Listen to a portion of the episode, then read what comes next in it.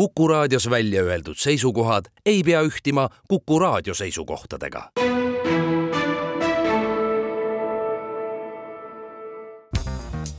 järjejutt. Andris Kalnosols, kalender on mu nimi, tõlkinud Kontra, Postimehe kirjastuselt. järjejutt. esimene nädal, oluline kaheksas juuli.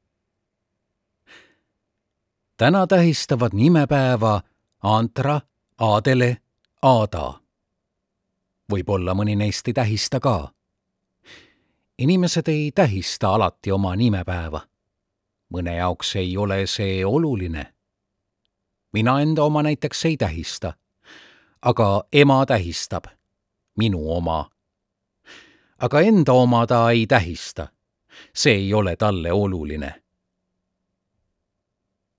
üheksas juuli. Saiga, Aasne, Aasna.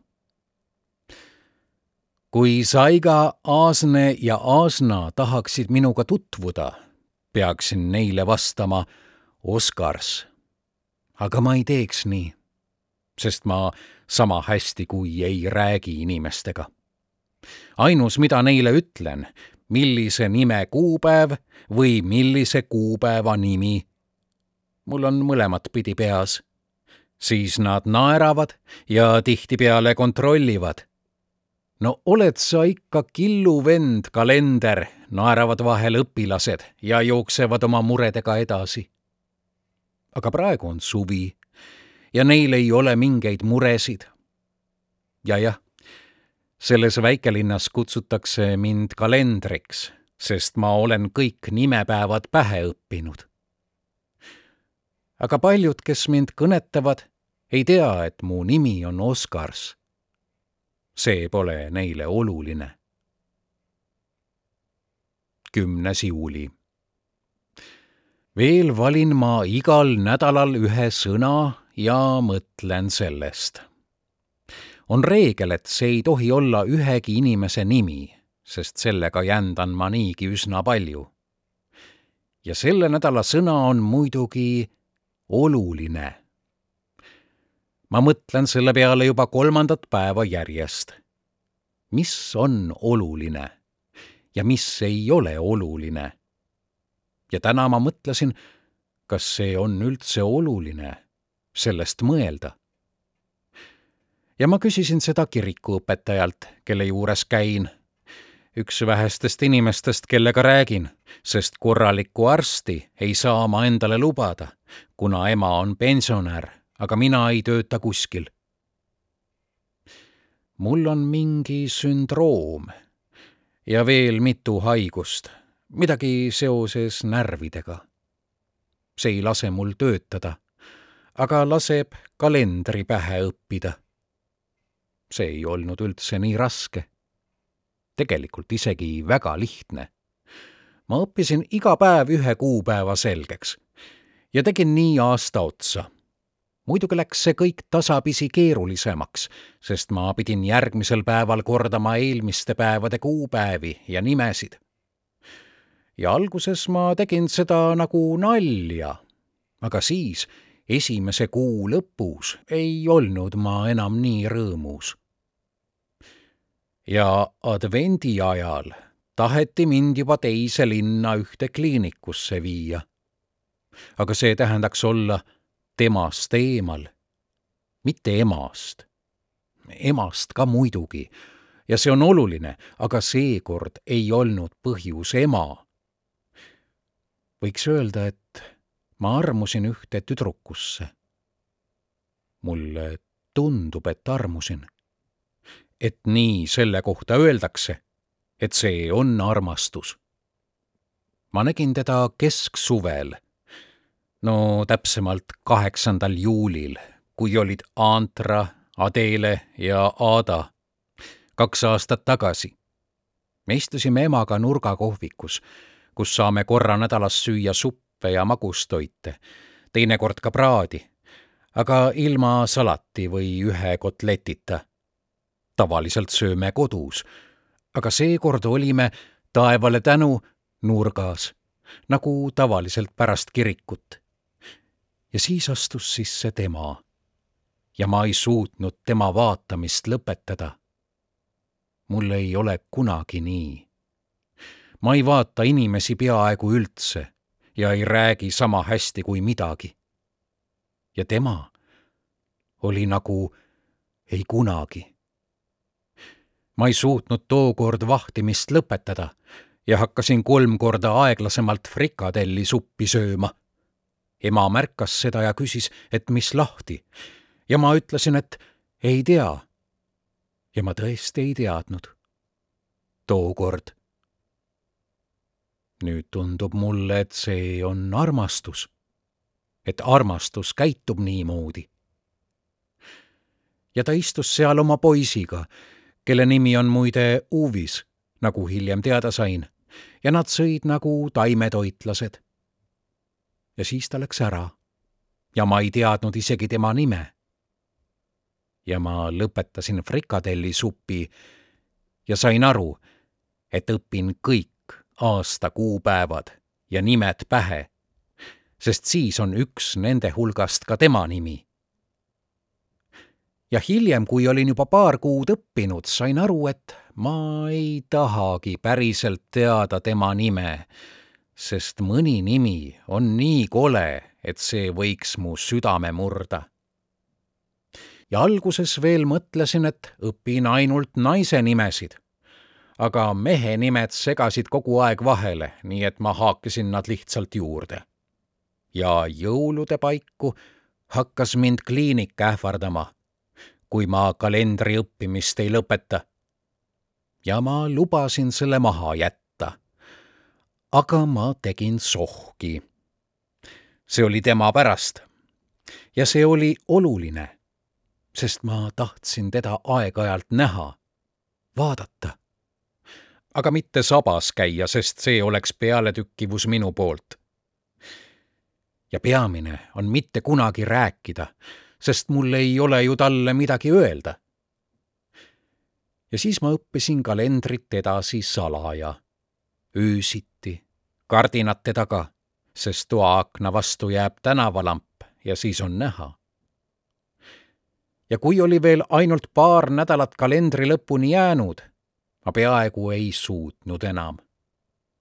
oksendasin palju viimased päevad olid tõesti rasked ja siis mind ikkagi paljastati ja viidi kliinikusse. ja see juhtus just uuvise päeval. aga ma pääsesin tagasi. üheteistkümnes juuli. täna ma mõtlen, et on oluline mitte kirjutada nii palju kui eile. mitte hoogu sattuda, sest siis ma lähen liiga närvi ja lehekülg saab täis. aga ma kirjutan märkmikusse, mille kirikuõpetaja mulle kinkis. ta kinkis mulle selle, et ma mõtleksin nädala olulise sõna peale ja ka kirjutaksin sellest midagi. Ja me saaksime seda pärast arutada. ja ma pean üles kirjutama, sest võin unustada, kui üles ei kirjuta. kalender on ainus, mida ma ei unusta. ta ütles, et see esimene peab olema oluline sõna. ja me mõtlesime kaua seda olulist sõna. ja siis sai see mulle üsna lihtsalt selgeks. kaheteistkümnes juuli. oluline on ärgata hommikul oluline on tere hommikust öelda. oluline on öelda emale söögi eest aitäh ja aidata kodutöödes, kuni tal on kõrini. oluline on minna välja jalutama. Oluline on jalutada väga kaua, aga siis, kui kõvasti ei saja või nii.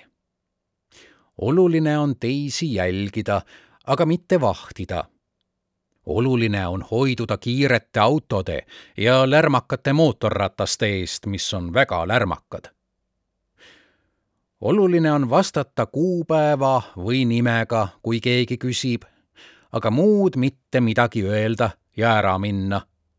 Oluline on mitte tagasi vaadata. oluline on mitte lasta enda üle irvitada, aga kui see juhtub, siis ära minna. oluline on mitte kliinikusse sattuda.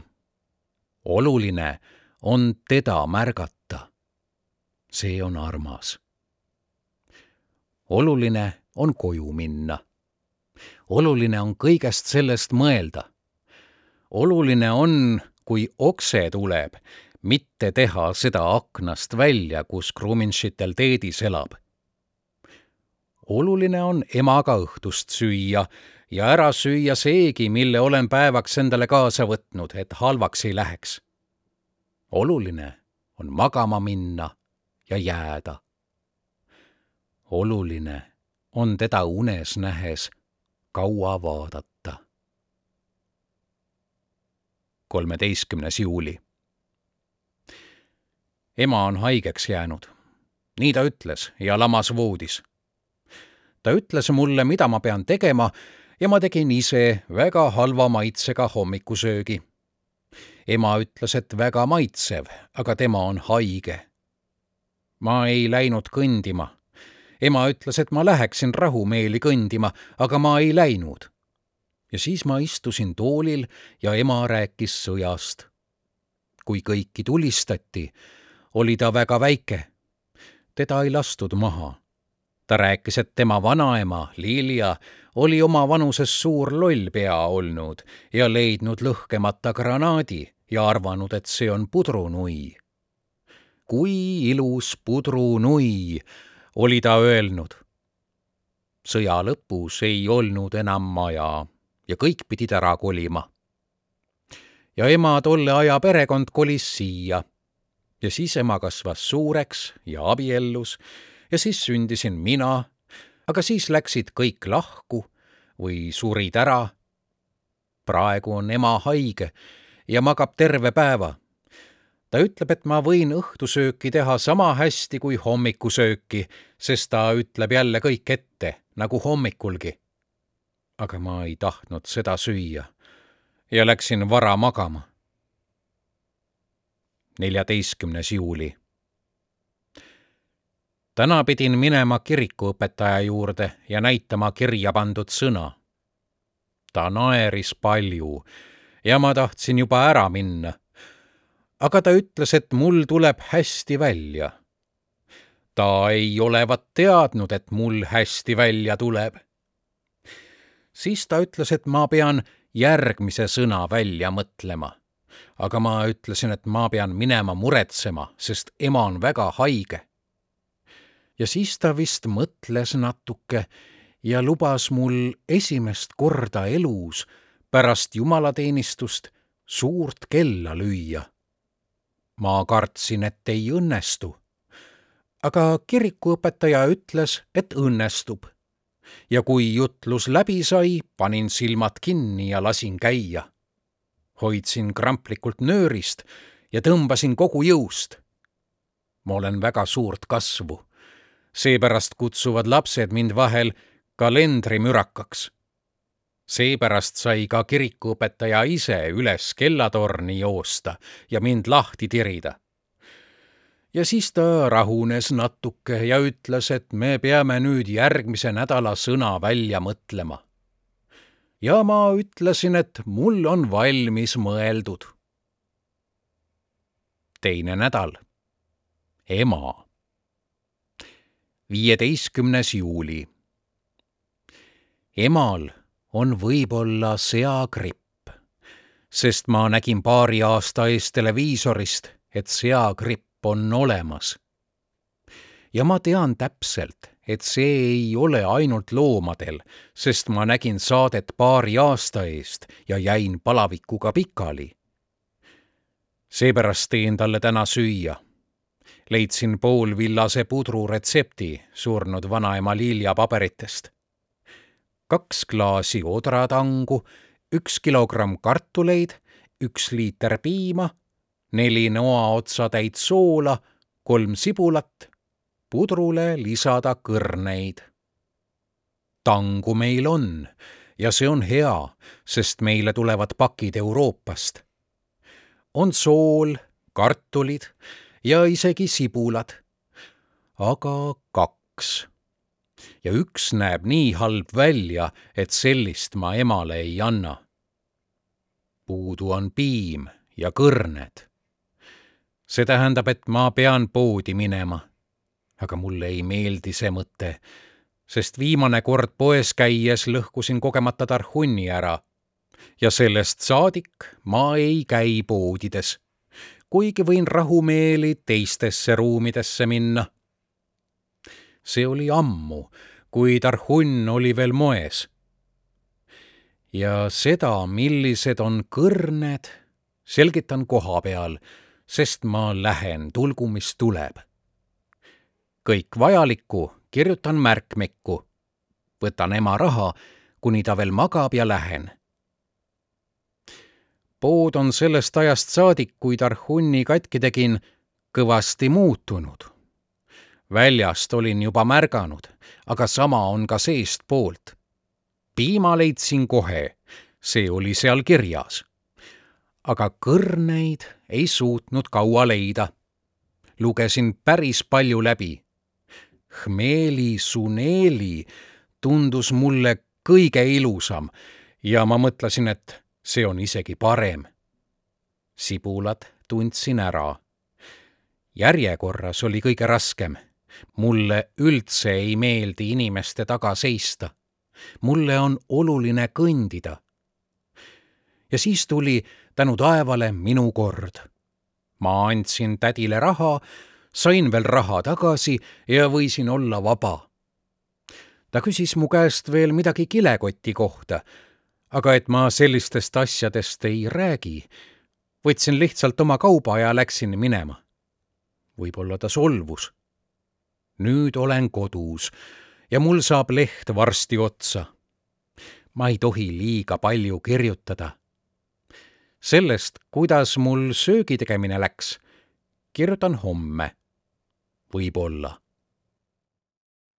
kuueteistkümnes juuli. Hermine Estere Liepa.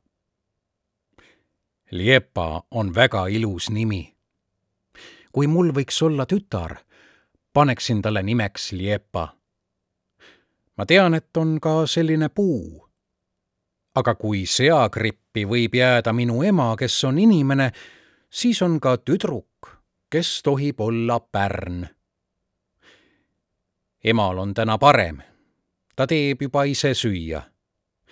kui ma talle tere hommikust ütlesin, ta naeratas. ta ei naerata üldse nii tihti. eilsest me ei räägi.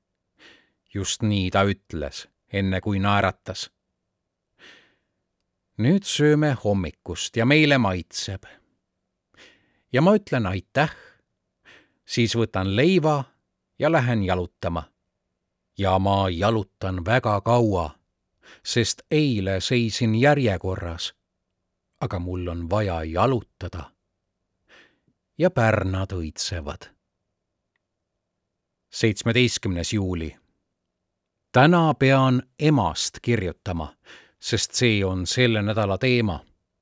aga ma saan mõelda vaid ilusast tüdrukust, sest ma nägin teda eile.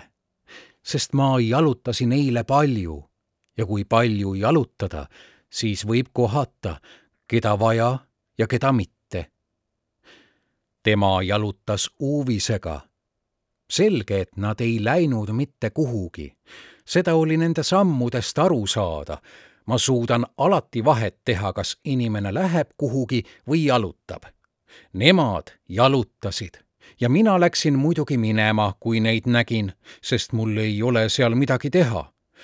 aga et nad tõesti jalutasid, kohtasin neid veel kaks korda. vana haigla ja Saksa kalmistu Pärnarivi juures.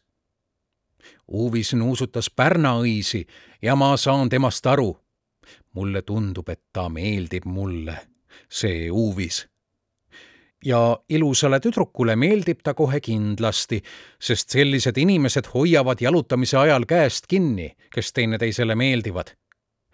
ja neil olid peaaegu ühesugused riided ja mulle tundub, et see tähendab palju. ainult et tüdrukul olid šortsid, võib-olla olid need pruunid spordipüksid, aga Uvisel olid pikad sama värvi püksid aga need ei olnud spordipüksid, nii palju kui mina tean.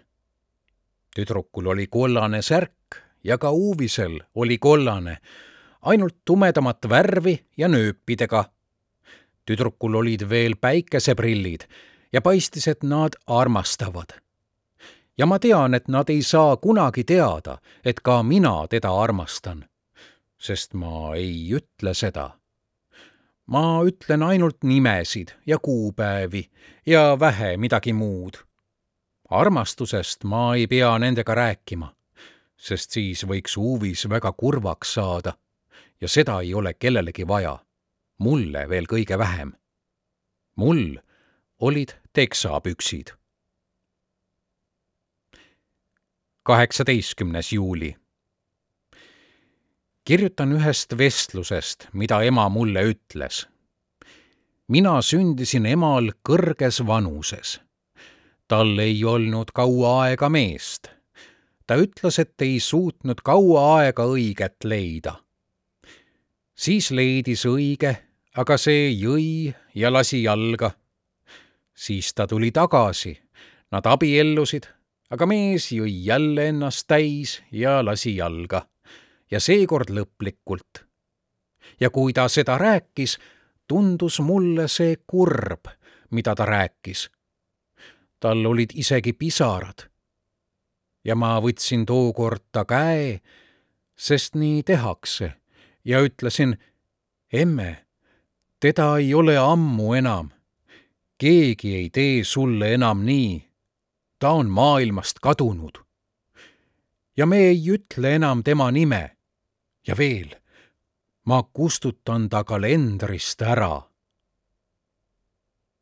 aga siis hakkas ema veel kõvemini nutma ja võttis mul kaela ümbert kinni ja ma sattusin segadusse ja tõusin püsti ja ema jalad jäid rippu. ja siis me läksime nurgakohvikusse sööma, kuigi ei olnud meie päev üheksateistkümnes juuli. Jautrite, Kamila, Tigna, Saara. Tigna, igatahes. mu linnas on üks koer, Saara, ja mulle ta väga meeldib, see Saara. kui Saara minu juurde jookseb, liputab ta oma sabakest. ta on väga tilluke, mulle kingadeni. ma mõtlen kogu aeg ei tea, kas Saara tähistab oma nimepäeva üheksateistkümnendal juulil ja tema peremees, kelle nime ma ei tea, ütleb, et las Saara tuleb. mul on täna nii hea tuju, et ei tea, kuidas olla. Lähen muidugi jalutama. Camilla ja Jautrite kohta ei ole midagi öelda. ai, ma pean ju emast rääkima no midagi ei oska välja mõelda. minu ema nimi on Klaara. kahekümnes juuli. täna oli väga tore päev, jalutasin kaua. kui sõin bussijaama saiakest, tuli minu juurde üks huvitav naine, kes naeratas palju. ta küsis minult väga viisakalt. vabandust, te olete ju kalender, eks ole ja ma ei öelnud midagi. ja siis ta naeratas veel kord ja ütles, et ta teab, et mind kutsutakse kalendriks. siis ta tahtis teada, kellel on täna nimepäev. ja ma ütlesin, et Ritmal ja Ramonal. siis ta ütles, arva ära, kumb nendest ma olen. ja mina ei öelnud muidugi midagi. tõusin püsti ja läksin ära ta peab ise sellega hakkama saama. õhtusöögiks oli kala ja ma ütlesin emale, et ta sai üsna kiiresti pärast seagrippi jalad alla ta ütles, et see ei olnud kohe kindlasti seagripp. ja ma ütlesin, et paari aasta eest ju ütles telekast, et seagripp on ka inimestel, et ta ei solvuks. ja siis ta ütles, et tal oli täitsa tavaline nõrkus olnud. ja ma ei tahtnud rohkem vaielda. sõin väga kiiresti kalad ära ja nüüd olen pikali aga und ei tule, sest mõtlen, kas naine bussijaamas oli Ritma või Ramona. mis see minu asi on? võib-olla mõlemad. nii inimesed vahel teevad. kahekümne esimene juuli. täna olime kohvikus ja ema on pärast seda nõrkust vist täiesti peast segi läinud, sest me sõime nii suppi kui ka terve prae ja jõime veel kohvi ja ma tohtisin süüa kaks korvikest, aga ma sõin kolm ja veel Aleksandri koogi, juubelisaiakese ja sipelgapesa. ja sipelgapesaga tuli kaasa boonus ja ma sõin muidugi ka selle ära. Ja ema andis mulle veel oma palmiku. kolmas nädal. raamat kahekümne teine juuli. kui kirikuõpetaja mult eile oma kabinetis küsis, kas ma olen järgmise sõna välja valinud, ütlesin ma raamat, aga valetasin. nägin lihtsalt tema kabinetis raamaturiiulit. Aga nüüd tuleb välja, et see on tõsi ja ma kirjutan raamatutest ma arvan, et kirjutan iga päev ühest raamatust, mida olen lugenud sest ma olen küllalt paljusid raamatuid lugenud. ja ma olen isegi alguses käinud normaalses koolis, pärast seda heade hinnetega abikoolis kuni üheksanda klassini. aga siis sai mul rääkimisest kõrini ja ma ei õppinud rohkem midagi. Ja esimene raamat, millest kirjutan, on Untslimütsi järbi, sest see oli esimene raamat, mille ise läbi lugesin ma ei mäleta autorit ega peaaegu ühtegi sündmust. aga seal olid naljakad nimed. Plampar ja kõige naljakam oli väike Leebu. ja Ärbi ise oli ka. ei mäleta ainult, mida nad kõik tegid. Arvatavasti läksid kuhugi.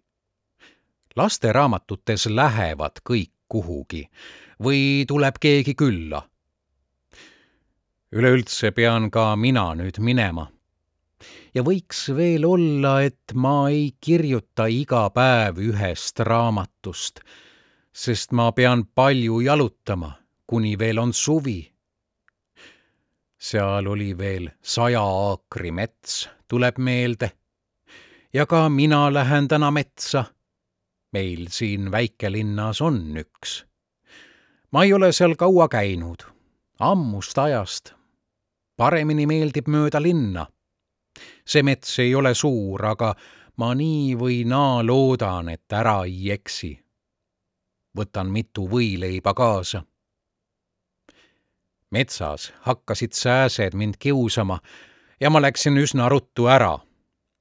Kui poleks sääski, oleks mets ikka palju toredam. nüüd kirjutan, sest tuli meelde, et Ärbil oli tõesti suur müts. ja ka kõigil tema sõpradel olid mütsid. mis seal nende mütsidega oli? ei suuda meenutada, mitte kui midagi ei mäleta. mälu on imelik. Kui tahan midagi meenutada, siis tihti see ei õnnestu, aga järsku tuleb midagi meelde, mida üldse vaja ei ole. kalendriga on küll teistmoodi seda ma lihtsalt tean ja kõik. see on mul peas, nagu müts. kahekümne kolmas juuli. Elli. täna ei ole küll tema nimepäev. Tema nimepäev on seitsmendal märtsil, aga ta elas juba ammu-ammu Kansases.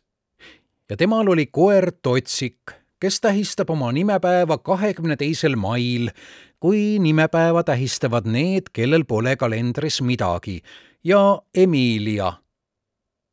miks Emilial ei ole eraldi oma päeva, sellest ma aru ei saa. aga ma kaldusin kõrvale. Elli ja Totsik ronisid keeristormi ajal vagunisse, et peitu minna. keeristorm puhus vagunile peale, aga kui läbi sai, nägid Elli ja Totsik ilmavalgust ja olid mujal. kõik oli teisiti. tuul oli nad kaasa viinud ta alguses kurvastas väga, sest armastas oma vanemaid Kansases, aga ei lasknud oma nina norgu ja läks, kuhu tee viis. Totsik sibas kaasa, sest oli väike nagu Saara, seega sibas. esimesena kohtas ta pilgutajaid, kes olid Ellile väga tänulikud, sest selgus, et vanker litsus laiaks pilgutajate kurja nõia, kelle teenistuses nad olid tänutäheks kinkisid nad Ellile kas siis kingad või mingi kiivri, ma ei mäleta enam, igatahes võlu ja selgitasid olukorda. seda olukorda ma üldiselt peaaegu ei mäleta enam, aga Elli pidi jõudma Smaragdlinna valitseja Goodwini juurde, kes ainsana võis aidata tal koju jõuda ja ta läks ja see meeldib mulle. teel kohtus ta rauast puuraiduriga, kellel ei olnud südant, aga ta tahtis. Elli õlitas teda ja siis ta liitus Goodwini juurde minejatega. siis nad kohtasid hirmutist, kes oli ebatüüpiliselt loll ja seepärast oli talle aju vaja. ja nüüd oli neid juba neli teekaaslast ja siis nad sattusid kokku veel Aralõviga, kes soovis julgeks saada, ja siis olid nad sõbrad. Nad lõid viiekesi veel ühe kurja võluri maha, said kokku kahe heaga vist ja jõudsid lõpuks Smaragdlinna. või ajan ma seal ikka midagi segi? aega on mööda läinud seda ühte head võlurit ma mäletan. tema nimi oli Stella ja tema pidupäev on kahekümne viiendal detsembril, järgmisel päeval pärast Jeesuse sünnipäeva ja Aadama ja Eeva nimepäeva ja need kõik on minu teada head inimesed. Ja Stella aitas tal lõpuks koju jõuda nende kingade või kiivriga, sest Goodwin osutus selliseks heasüdamlikuks luiskajaks ja oli kõiki tüssanud, mitte mingi võlur ta tahtis väga aidata, aga ei suutnud. aga selgus, et neil, lõvil, rauast puuraiduril ja hirmutisel oli see kõik olemas, mida nad otsisid. Oluline oli see kollane telliskivi tee, sest Goodwin tõusis kogemata õhupalliga lendu. aga lõpuks läks kõik õnnelikult. igaüks sai selle, mida vaja mulle lapsepõlves meeldis Elli väga ja ma muretsesin tema pärast. aga üldiselt teadsin ju, et kõik läheb hästi. ja kõik läks hästi. Tšau, kirikuõpetaja. kahekümne neljas juuli. minu elu kõige paksem raamat on Henrik Sienkiewiczi Ristirüütlid. mäletan autorit, sest ta oli meil kodus. aga ma ei loe teda enam. ma üldse ei loe ega räägi enam. võib-olla inimestega mõne sõna, mida vaja. Ja nüüd ma vaatan seda raamatut ja mõtlen, et miks ma nii väikesena tahtsin seda lugeda. ma olin tookord vast ainult kümme aastat vana ja see ei ole lasteraamat. see oli väga keeruline ja ma tegin seda kaua.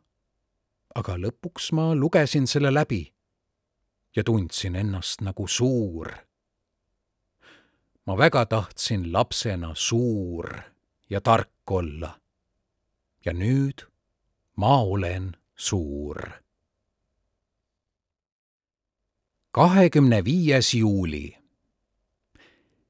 täna hommikul tuli väga halb mõte pähe.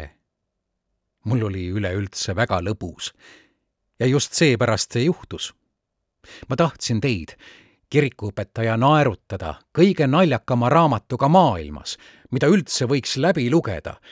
ja siis te naeraksite.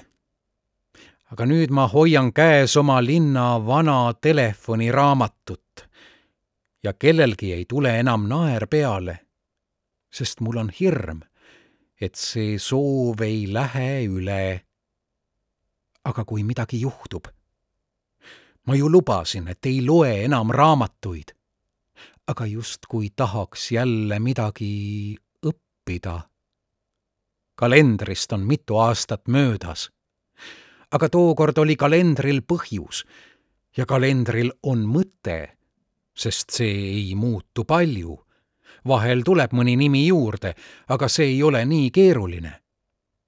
Telefoniraamatuga on teisiti kusjuures see on vana, vanast ajast. Paljusid telefone ei ole enam ja paljud on surnud. see oleks kõige mõttetum, mida oma elus ära teha. mul tuleb nüüd õudus peale ja ma lähen jalutan selle välja. jalutasin terve linna läbi ja nüüd on õhtu. olen kodus ja leban valguse käes. kõndisin kaua aga mu mõistus või pea ei tundnud ennast sugugi hästi. Ma isegi ei näinud õieti inimesi, seepärast jooksin kolm korda kellelegi otsa, aga ühe korra jäin tammuma, nagu siis, kui ei tea, kuhu poole peab minema.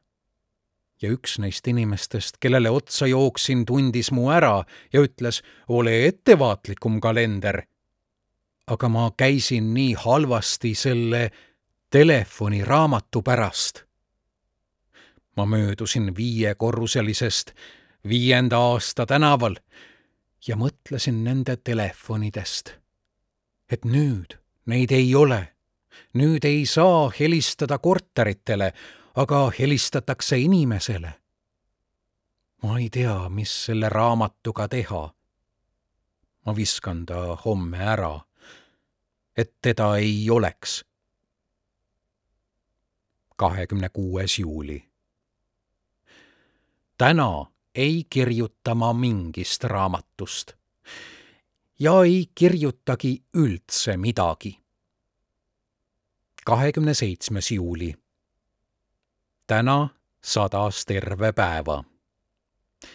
istusin kodus ja vaatasin, kuidas ema vaatab televiisorit. mul on mitte ainult rääkimisest, vaid ka kirjutamisest kõrini. Ja siis ma soovitan homme teile, kirikuõpetaja, et ma ei kirjutaks rohkem. kirjutan üles, et ei unustaks öelda. aga te ju loete ise. ma tean seda. ja kalendrit. kahekümne kaheksas juuli ma kirjutan veel nädala ja siis on kõik. Täna ma juba peaaegu ei kirjutanud, aga siis oli meil kirikuõpetajaga tüli ja tema võitis ja ma pean veel nädala kirjutama. ja pärast seda võib sündida minu tahtmine.